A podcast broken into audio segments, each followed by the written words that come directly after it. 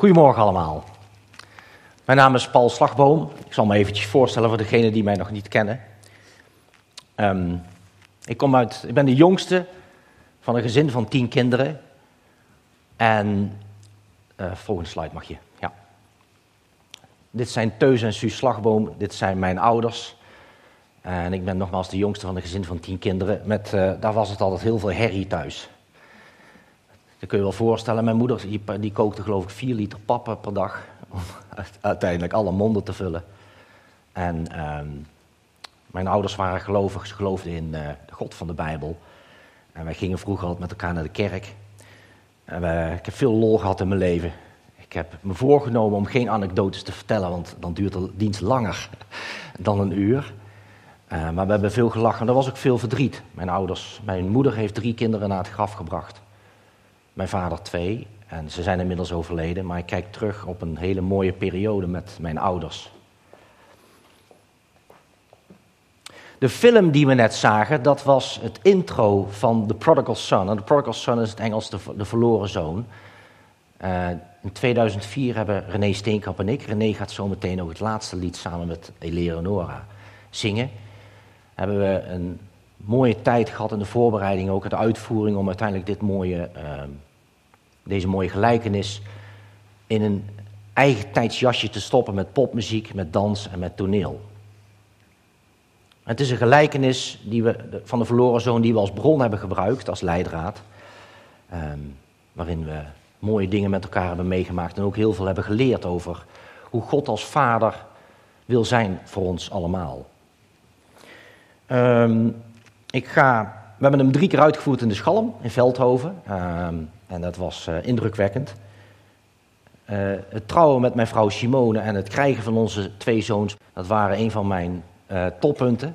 Direct daarna volgde ook wel zeg maar, het, het, het produceren en het maken van, van deze rockmusical. was echt geweldig om te doen.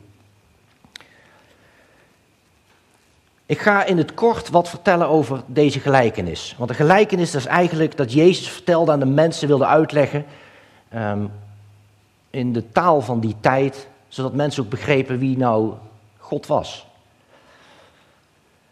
En er is een vader, in deze gelijkenis, die heeft uh, twee zoons. De jongste zoon, die vroeg op een gegeven moment aan zijn vader van ik wil het erfdeel hebben van u. Terwijl zijn vader nog leefde, dat was een hele pijnlijke vraag. En met dat geld ging hij weg. Ging hij feest vieren en had hij heel veel vrienden op dat moment. En hij dronk denk ik veel, hij ontmoette veel vrouwen. Hij had het buitengewoon gezellig, zeg maar. Totdat hij in een land kwam, in het buitenland, waar hongersnood kwam. En het geld was op, zijn vrienden waren verdwenen. En daar zat hij. Heel alleen. Geen vader meer in de buurt. En toen dacht hij bij zichzelf: wat moet ik nou? Ik zou alweer terug willen naar mijn vader. Maar dat is toch eigenlijk heel raar. Want ik heb eerst gezegd: ik ben gek op uw geld, maar niet op u. En dan moet ik terug naar mijn vader. En hoe zal mijn vader mij ontvangen? Dus hij krijgt spijt, hij gaat terug naar zijn vader en hij wil excuses aanbieden. Maar daar krijgt hij niet eens de kans voor, want zijn vader staat met open armen op hem te wachten. En ze huilen beide. Van blijdschap. En dan de oudste zoon. De oudste zoon is heel braaf. Die doet alle dingen die zijn vader wil. Hij werkt voor zijn vader. En hij blijft bij zijn vader en hij zegt: Kijk eens, ik werk al jarenlang voor u en ik ben nooit ongehoorzaam geweest, maar u heeft mij nog nooit één bokje gegeven. Want tijdens dat feest bij de jongste zoon werd er het beste bokje geslacht. En om het feest te vieren, dat was indrukwekkend. En die oudste zoon zegt, ik ben altijd heel trouw gebleven aan u. En voor mij heeft u nooit een, een bokje geofferd of met feest gevierd toen ik bij u bleef. En hij was het ook niet eens met de, met het, met de geldbesteding. En eigenlijk kun je zeggen dat voor beide zoons geldt dat ze niet hielden van hun vader, maar vooral van zijn bezit. Drie personen in de rol van deze gelijkenis, maar ik wil voornamelijk vandaag even kijken naar de rol van de vader. Hoe gaat de vader om met deze situatie? Ik wil lezen vanaf vers 20 uit de herziene statenvertaling. En hij stond op en ging naar zijn vader. En toen hij nog ver van hem verwijderd was, zag zijn vader hem. En deze was met innerlijke ontferming bewogen en hij snelde hem tegemoet. Viel hem om de hals en kuste hem. En de zoon zei tegen hem: Vader, ik heb gezondigd tegen de hemel, tegen God en tegenover u. Ik ben niet meer waard uw zoon genoemd te worden. Maar de vader zei tegen zijn dienaren: Haal het beste gewaad tevoorschijn, is kleding, en trek het hem aan en geef hem een ring aan zijn hand en sandalen aan zijn voeten en breng hier het gemeste kalf en slacht het en laten we eten en vrolijk zijn. Feestvieren was dat.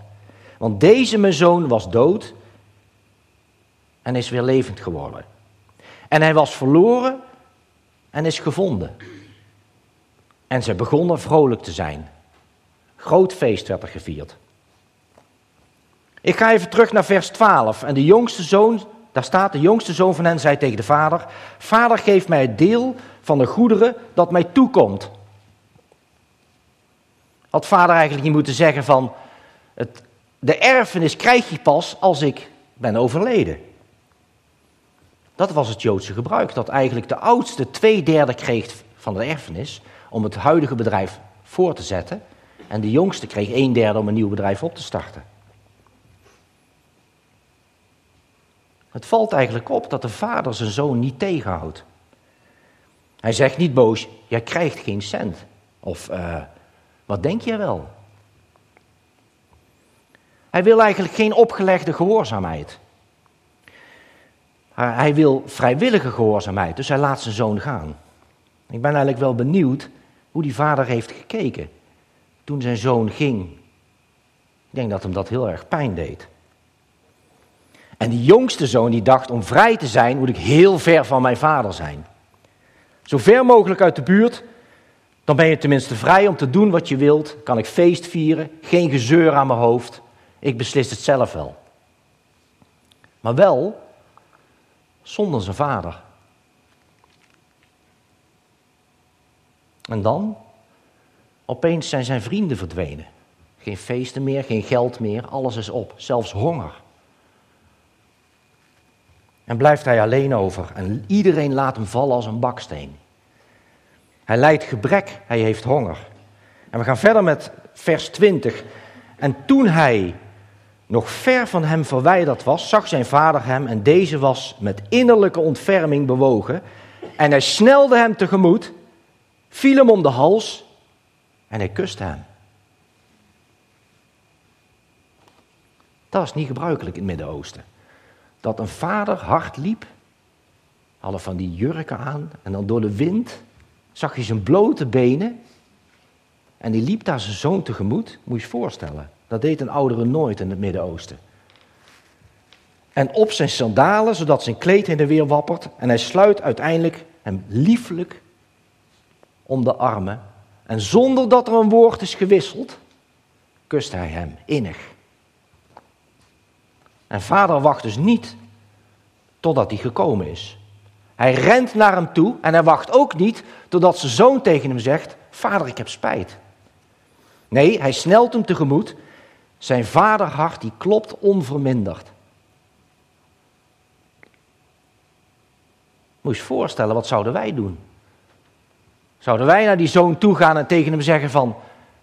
Zo, ben jij daar eindelijk? Biecht maar op. Waar is het geld wat ik je heb gegeven? Of uh, wat heb jij mij eigenlijk aangedaan? Dat deed hij niet. Vader is alleen maar met ontfermende liefde bewogen. Misschien zouden wij dat wel doen. Die verwijten en het over onszelf hebben. En daarom vertelt Jezus deze gelijkenis. Vader die vraagt niet, hij geeft. Hij vergeeft. En vader had hem wel degelijk niet vergeten. Vader had altijd een plekje in zijn hart van hem bewaard. En hij laat zijn diepe, innige liefde zien. Namelijk, iedereen is welkom bij God. En dat bedoelt Jezus te zeggen met deze gelijkenis. En wat er dan gebeurt, Vader is alleen maar met ontfermende liefde bewogen. Hij kijkt niet naar dat vieze lijf van zijn zoon, die stoppelige baard, ongeschoren, hij stinkt. Hij valt hem liefdevol om op zijn armen. En hij sluit hem dicht bij hem en ze, hij, hij kust hem innig. Ik heb een andere vertaling gelezen, staat het als volgt. Toen zijn vader hem zag en ten diepste ontroerd werd, hij vloog naar hem toe, viel hem om de hals en overlaadde hem met kussen. Overladen met kussen. Valt er nog iets menselijkers te spreken? Kan met een nog duidelijker beeld de vaderlijke liefde beschreven worden die God voor mensen heeft. Maar we gaan verder. Onder vaders tranen van blijdschap en zelf in tranen snikte de zoon het uit als een hoopje ellende. En daar staat, vader, ik heb gezondigd tegen de hemel, tegen God en tegenover u. Vader spreekt niet over een huurling, zoals zijn knechten. Dat komt niet uit zijn mond. Het is weer goed. Vader spreekt vanuit de gemeenschap die hij wil herstellen. Huurlingen werken om loon, maar dat wil vader niet. Een huurling blijft op afstand. Hij wil zijn zoon dicht bij hem hebben. Dan zie je trouwens de volgorde. Eerst die ontroerende kus. Eerst die omhelzing. Eerst de betoning van vaders liefde. En dan gaat die jongen zijn zonde beleiden. Dan zegt hij, het spijt me. Zeker, die zoon die heeft de smart gehad. Die heeft tussen de varkens gelegen in dat, in dat andere land. En die heeft het moeilijk gehad. Maar vader die weet het al lang. En hij is hem voor met zijn liefde. En Jezus bedoelt met deze gelijkenis te zeggen: Zo is nu God. Hij zoekt het verlorene. Kijk eens wat er dan gebeurt. Vers 22 en 23. Maar de vader zei tegen zijn dienaren: Haal het beste gewaad tevoorschijn en trek het hem aan. En geef hem een ring aan zijn hand en sandalen aan zijn voeten. En breng het gemeste kalf en slacht het. En laten we eten en vrolijk zijn. Een nieuw kleed. Een zegelring waarin de vaders naam staat gegraveerd. Schoenen aan zijn voeten, het gemeste kalf. In het vaderhuis begint het feestgedruis te klinken. Tot in de hemel klinkt het door. Het is feest in de hemel.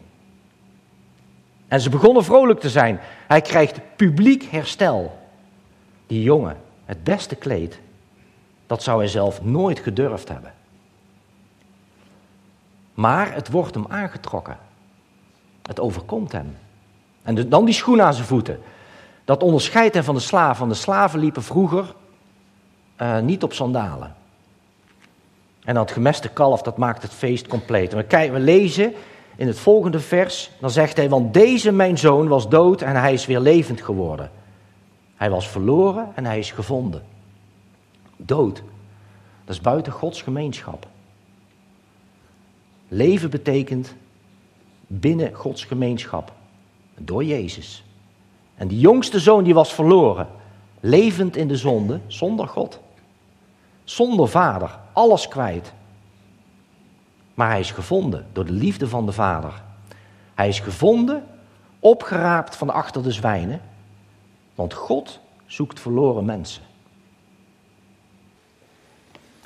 Ik heb leren kennen uh, uh, door onze zoon. Kom maar als je wil. Uh, ik ook even iets vertellen over zijn. is onze jongste zoon en ze heeft een tijdje Alfa gevolgd en daar heeft hij ontmoet. En een tijdje ook bij gewerkt, en, want wel bescheiden. Maar dan wil ik toch eventjes ook aanvullen. Hij heeft een eigen bedrijf en hij zet stijgers. En op de bouw staat hij dus met mensen te bidden. Dat is echt. Ik heb ook heel veel van jou geleerd.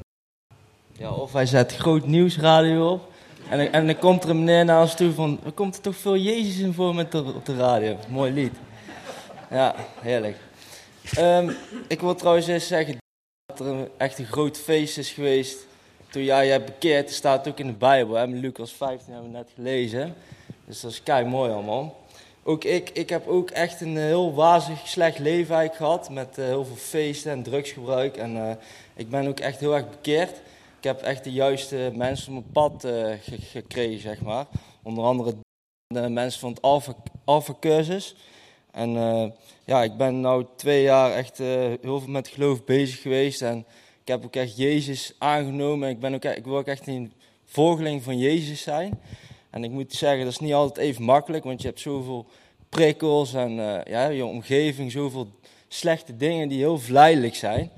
Dat ik er ook nog wel eens een beetje intrap. En ehm, ja, dan, ik moet er wel echt mee leren omgaan. Ik denk ook wel als christen dat je er ook heel veel voor moet bidden. Vooral als je daar misschien iets gevoeliger voor bent. Maar ehm, ja, ik kan wel zeggen nu dat ik echt gelovig ben, heb ik wel echt veel meer geluk gekregen. Omdat ik ook eerst echt gewoon elk weekend naar Defcon of Dominate, naar echt van die feesten ging. En dan was ik ook twee dagen lang wakker en zo. En uh, ja, dat, ik werd daar zo ongelukkig van. En uh, slecht slapen, mijn school en mijn werk en zo. En ik ben ook heel erg dankbaar dat ik zo lieve ouders heb. En uh, ja, dat mag ook allemaal gezegd worden, snapte? ja. En ja, ik sta, ik sta hier toch, dus nou, daar ken ik niet meer.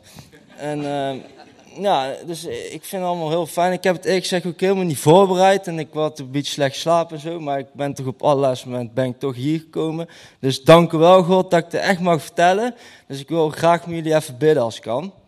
En uh, lieve Vader in God, dank u wel dat ik hier mag zijn, Heer. Heer, dank u wel dat ik toch iets mag vertellen, Heer. Heer, wilt u deze mensen allemaal zegenen. Ook mensen die niks met u hebben of zo, die hier zijn. Wilt u echt uw liefde aan hen zien. Vul ze met de Heilige Geest, Heer. Heer, u bent de waarheid, Heer. Dank u wel voor alles wat we hebben. Want we hebben het echt luxe. Heer, daar bid ik voor. Amen. Ik wil graag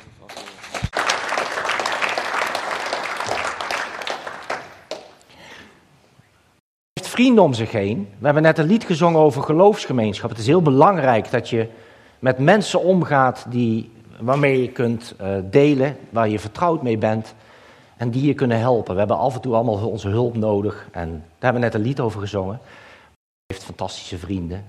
Bovenal heeft hij natuurlijk God. Um, ik heb ook nog een jongste zusje. Uh, mijn zus die wil wat een gedicht voorlezen wat haar heel erg heeft aangegrepen. En dan ga ik over daarna tot de samenvatting van dit prachtige verhaal over de verloren zoon, met name de wachtende vaders. Ja. Goedemorgen allemaal. Ik uh, ben niet meer zo soepel als ik geweest ben, dus, maar ik ben er. dus goed, ik wil eigenlijk een, een uh, voorverhaal vertellen over mijn leven omdat uh, dat alles te maken heeft met dit gedicht, wat mij um, nieuw leven heeft gegeven. Ik ben ook geboren in datzelfde gezin. En ik was het vijfde kind. Ik was ook het meest kwetsbare kind, denk ik. Die zocht naar een moeder die mij heel veel liefde gaf en heel veel aandacht. Die kreeg ik niet. Niet altijd, zeker niet. Um, toen ben ik op mijn vierde, toen dacht ik van, nou als ik het thuis niet krijg, dan ga ik het ergens anders zoeken. Dus ik liep weg. En, uh, maar ja, je bent vier jaar. Wat stelt dat nou voor? Hè? Ik bedoel, weglopen, dat, uh, dat, dat, kun je doen als je wat ouder bent. Maar als je vier jaar bent, dan kom je tot de, tot de, tot de hoek en verder kom je niet. Dus maar iedere keer bracht de politie mij terug. En uh, ik heb dat wel, nou, toch wel zeker 10, 12 keer gedaan. Totdat ik ontdekte dat dat het ook niet was. En um, goed, mijn leven ging verder. Ik, was, ik bleef dat kwetsbare kind. Wat, uh, wat op school ook niet gepest werd, maar wat wel heel angstig was. En ik stond altijd in de hoek van, van, de, van het gebouw. Het gebouw had een uitspan eigenlijk. En daar had je twee hoeken. De, de ingang was dat. Uh, en dan had je dat twee hoeken. En daar stond ik dan zo. Zo van dat niemand mij kon zien. En ook niet mij kon uh, plagen eigenlijk. En op school was ik eigenlijk het jankende kind, zoals ze mij noemden. Ik, ik was al heel snel geraakt door opmerkingen van de meester. Uh, en ik werd daar thuis eigenlijk niet goed opgevangen. Was toen de tijd natuurlijk ook niet zo. Zoals wij nu met de kinderen omgaan, dat, dat was toen niet zo. Hè? Je moest meedoen in, in het gereel en als je niet mee kon, ja jammer dan. Zo was het. Goed, uiteindelijk heb ik uh, mijn middelbare school gehaald. Ik ben de verpleging ingegaan. En uh, eigenlijk vanaf de middelbare school begon ik mij echt nou, op een niet al te aardige manier te verzetten tegen het geloof. Ik dacht dat dat het was wat, wat mij zo dwars zat. Niet zozeer mijn ouders, maar meer uh, het geloof. Ik, ik moest er niks van hebben. Nee, dat, dat maakte mijn leven alleen maar zuur. En dat wilde ik niet. Dus nou ja, mijn ouders vonden dat heel verdrietig. Daar hou je geen rekening mee als je middelbaar scholier bent. Hou je geen rekening met je ouders dat die verdrietig zijn. Je bent alleen maar met jezelf bezig. Dat is wat speelt op dat moment. Goed, ik trouwde uiteindelijk. Die man had ook niet zo heel veel aandacht voor me. Ik trouwde precies de verkeerde natuurlijk, want dat, hè, dat is hetzelfde verhaal als mensen die een vader hebben die alcohol gebruikt. Die trouwen ook vaak met een partner hè, die alcohol gebruikt. Dat zie je heel veel. Uh, nou goed, ik heb toch 32 jaar volgehouden. Ik heb twee prachtige kinderen gekregen, of eigenlijk drie prachtige kinderen gekregen. Eén is overleden. En ook dat was een nare gebeurtenis. Is altijd naar voor iedereen. Ik bedoel, dat is niet alleen voor mij naar, maar de, altijd naar. Maar toen kwam juist ook dat geloof weer naar voren. Hè? Mijn ouders die er kwamen en die zeiden van, ja, hoe moeten we jou steunen? Je kent God niet. Wij kunnen jou niet steunen. Dus toen gingen ze weer. Nou, en dat, dat zijn ervaringen in je leven die de rest van je leven bepalen. Uh, ik ben toen uiteindelijk gescheiden. Ik heb heel goed de kinderen hebben heel goed contact met hun vader. Dat wil ik ook. Ik bedoel, die kinderen kunnen er niks aan doen dat, dat het tussen ons niet goed ging. En uh, ik heb trouwens ook een redelijk contact met mijn ex. Toen ik gescheiden was, toen, toen viel ik eigenlijk in een gat. waar je denkt van, een huwelijk is, een slecht huwelijk is naar. Maar alleen zijn is soms nog veel nader. En ik had eigenlijk niks of niemand, want ja, het geloof had ik verlaten, dus dat, dat kon niet meer in mijn ogen. En uh, nou, ik ging eigenlijk van de ene ellende naar de andere. En uh, ik werkte wel, want ik moest natuurlijk de kost verdienen. En ik heb in de tussentijd veel opleiding gedaan. Ik dacht, dat helpt, hè? Dan, dan word je een beter mens van. Nou, dat is niet waar hoor. Je wordt vooral een beter mens van, van jezelf, hè het geloof in jezelf. En, en uh, goed, toen uiteindelijk, toen, uh, ik heb veel therapie gehad, omdat bij mij werd een uh, bipolaire stoornis uh, geconstateerd. En de bipolaire stoornis ontstaat vaak, dan is wel de basis aanwezig, maar ontstaat vaak de trauma's die je meemaakt, dan ontwikkelt die bipolaire stoornis zich vaak. Dat was bij mij ook zo. Ik heb heel veel therapie gevolgd. En iedere keer kwam ik wel een stapje vooruit. Maar de, echte, het echte geluk vond ik daar ook niet in. Uh, totdat ik uh, mijn broer uh, weer, weer contact mee had, wat meer contact mee hebben. Want met mijn broers en zussen ging het ook niet zo heel goed. En, en ja, ik kan zeggen van die is de schuld of die is de schuld. Ik praat liever niet over schuld. Als je eh, samen een relatie hebt, of dat nou met je broers is of met je vrienden of met wie dan ook, en het gaat mis, dan heb je daar allebei een rol in. dat, dat, dat, je kunt niet zeggen van de een is de schuld. Nou, dat was dus, is dus met mijn broers en zussen ook. Nou, dit broertje van me, die uh, heeft, is toch naar mij toegekomen. En uh, die had een, een, een, een, plan met mij. Terwijl ik nog niet in dat plan zat zelf. Maar hij had wel een plan. En, uh, dus hij, ik ging, uh, hij kwam en ik weet nog goed dat wij. Uh, ik woon in Beeldhoven, overigens. Ik, uh, hij was daar en we, hadden het, bespraken een aantal dingen, ook over mijn broers en zussen, hoe dat ging en zo. En in één keer zei hij: Ja, maar ik wil jou ook nog wat vertellen. En hij vertelde mij over God. Wat God in je leven zou kunnen betekenen. Dan moet je je voorstellen dat ik mijn hele leven had geroepen van, die ellende hoef ik niet. Dat had ik letterlijk zo geroepen. En dat dan iemand naar je toe komt, dat, dat, dat je God in je leven kan toelaten. En dat die ook samen met jou op weg kan om jouw problemen op kan lossen. En je daarin kan steunen. Nou, dat was voor mij nieuw. dat God mij kon steunen. Nee, God had de hele leven, mijn hele leven in de weg gezeten, voor mijn gevoel. Hè? Zo vulde ik dat in. Nou goed, uh, ik merkte ook wel dat ik zelf wel in, in de loop der maanden bezig was om, om, om wat, wat te zoeken. En ik dacht van, wat, wat is dat nou? Was ik nou boos op mijn ouders of was ik nou boos op het geloof? Nou, uiteindelijk bleek dat ik teleurgesteld was over mijn ouders. Dat was eigenlijk het belangrijkste wat, wat er gebeurd was in mijn leven. Ik had zo graag andere ouders gehad. Ja, idioot natuurlijk, want ik kan natuurlijk helemaal niet. Maar ik had zo graag, ik ben dat kwetsbare kind wat zo graag beschermd had willen worden. En lief, en, uh, lief, liefkozen en wat er allemaal bij hoort. Dat gebeurde niet. En daar kan ik allerlei theorieën op loslaten, maar dat doe ik niet. En toen was er meer ruimte voor die en God. En toen kwam hij. Ja, je kunt het geloven of niet, maar God heeft hem gestuurd. Daar ben ik nu zeker van. God heeft hem echt op mijn pad gestuurd. En niet veel daarna ontdekten wij, althans ja, zij wisten het wel, maar waren het vergeten, een gedicht van mijn moeder. En dat, ik sta nog, ik krijg er nog kippenvel van, ik ga het zo voorlezen.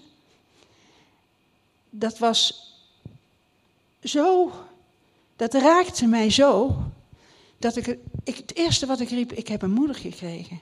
Ik heb mijn moeder terug. Terwijl mijn moeder niet meer leeft.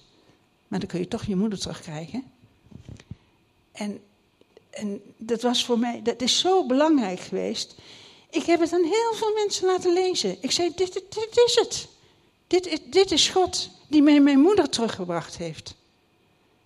En ik kan nog iedere dag daarvan genieten. Iedere dag van, oh, dit had ik wel 60 jaar eerder willen, willen hebben. Maar ja, dat, dat heeft geen zin. Maar goed, zo fijn voelde ik het. Ja, en ik heb er eerlijk gezegd ook heel erg om gehuild dat dit mogelijk is. Ik zal het jullie voorlezen. Misschien kan het ook. Ja, het komt op de beamer. Het komt op de beamer? Oké, ja. ja. Ja, het is goed te lezen. Ik lag vannacht toch niet voor niets te bidden. U kent mijn strijd toch wel en mijn verdriet om het ene kind dat zo ver af ging dwalen. O Heer, waarom voorkwam u dit toch niet? Al wat ik had, heb ik mijn kinderen gegeven. Ging ondanks dat er soms iets door mij fout? Naar mijn vermogen gaf ik liefde, tijd en aandacht. Wanneer ging het mis? Dat is wat mij benauwt. Ging door de drukte van mijn dagelijkse zorgen er iets aan mijn opmerkzaamheid voorbij? Zagen, ondanks dat ik uit uw kracht wil leven, mijn kinderen toch niet uw beeld in mij? O Heer, ik breng de nachten door met tobben. Blijf toch voor mij mijn smekingen niet doof. Vergeef mij al mijn onvolkomenheden en sterk mij soms zo wankelend geloof. Ik weet, dit afgedwaalde lam zal eens uitschreeuwen haar eenzaamheid en wanhoop en berouw. Ik bid u, God, houd toch niet op met zoeken. Betoon door de geslachten heen uw trouw. Dit is mijn troost in al mijn bange nachten. Uw liefde is groter dan de dwaling van mijn kind. Maar neem mijn handen, leer mij los te laten. Ik bid dat niet ik, maar u haar eenmaal vindt. En hij heeft me gevonden. Dat is prachtig. Ja. Dankjewel.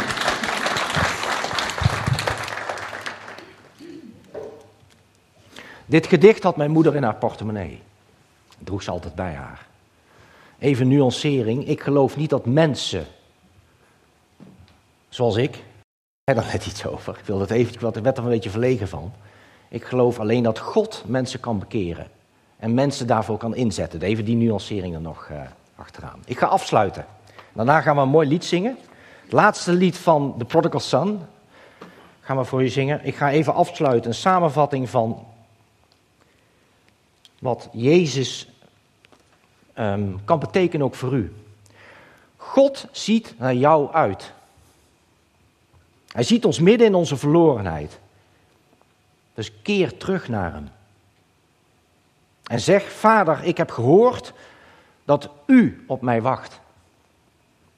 God wil dat wij door Jezus leven voor Hem en dat we meer op Jezus gaan lijken.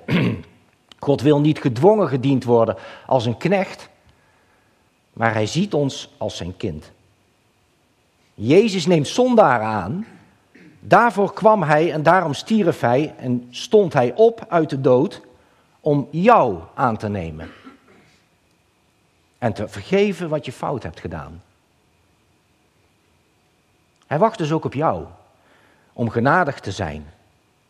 Zover kun je echt niet van God afgedwaald zijn om in zijn armen terecht te komen. Ook jij kunt teruggaan. Hij staat immers op de uitkijk.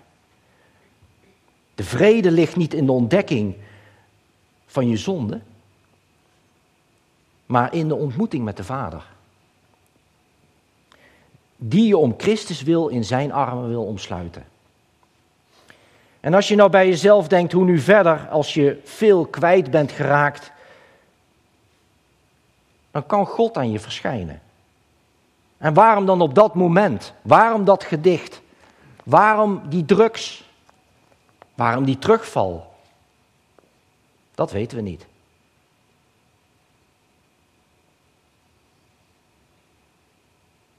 Wat betekent het voor jou, die getuigenissen die we vanmorgen hebben gehoord? is er ook een hemelblijdschap over jou. En je kunt het allemaal vertellen aan God. God is de wachtende vader. En hij staat op de uitkijk om jou te ontmoeten. Als je van God bent afgedwaald, ver van het vaderhuis, weet dan dat de deur wijd open staat. Kom naar huis en laten we feest vieren. Amen. Ik ga samen met jullie bidden.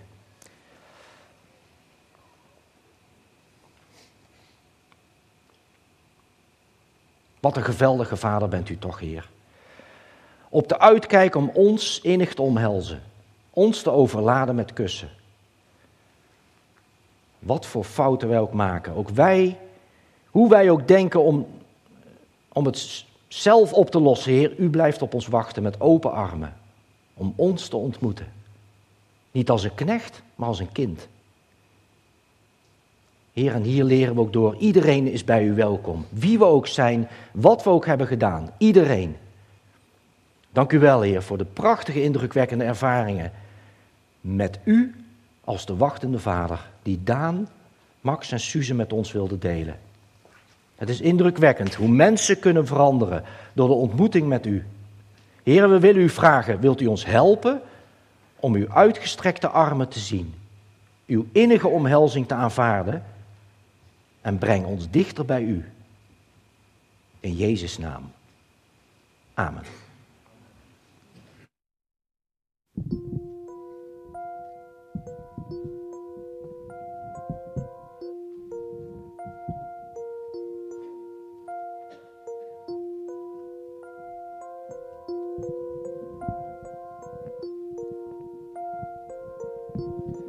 Even een, uh, een kleine intro op dit lied.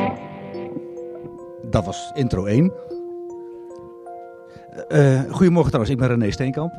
Uh, wat Paul net al zei, zo'n 15 jaar geleden uh, hebben Paul en ik het initiatief genomen en hebben een rockmusical geschreven en geproduceerd over de Prodigal Son, de verloren zoon.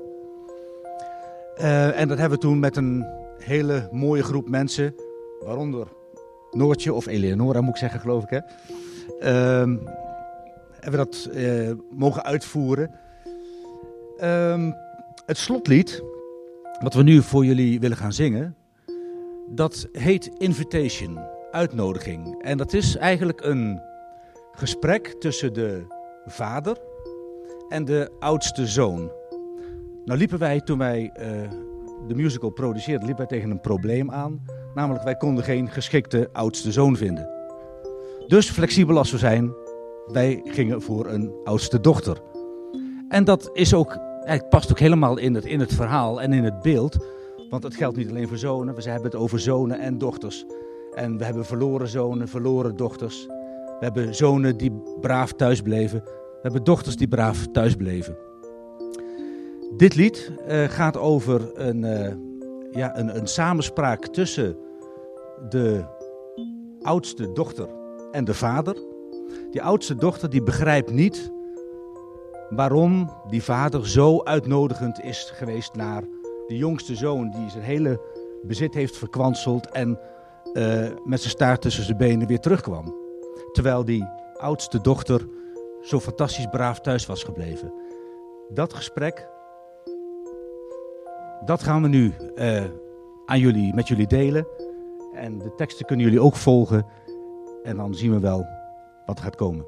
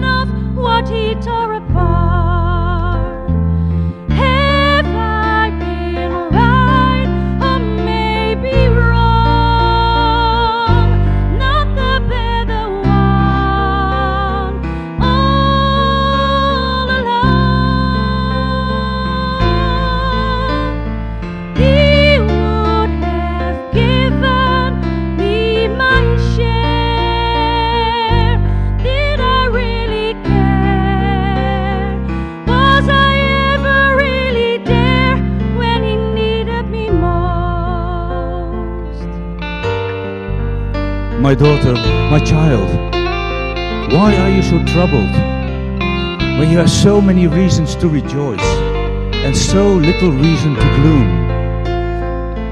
When your brother was gone and lost, you were always here with me, and all that was mine was yours. Yet you hardly spared yourself time to enjoy it. And now that your brother has returned as if from the dead, you suddenly become painfully aware of your own neglect. Yes, my daughter, my child, you were lost too. But you are as much my child as your brother is, and my love for you is equally infinite.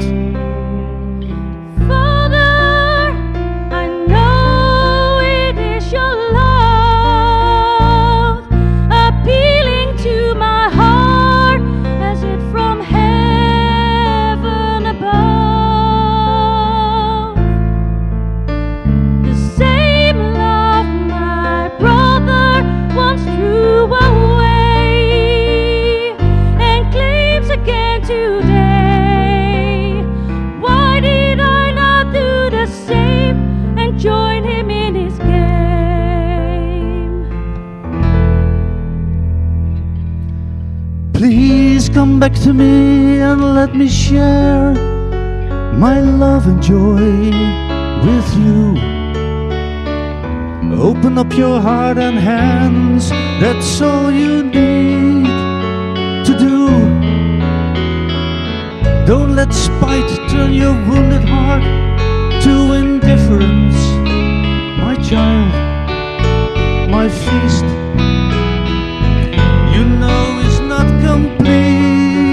without you by my side.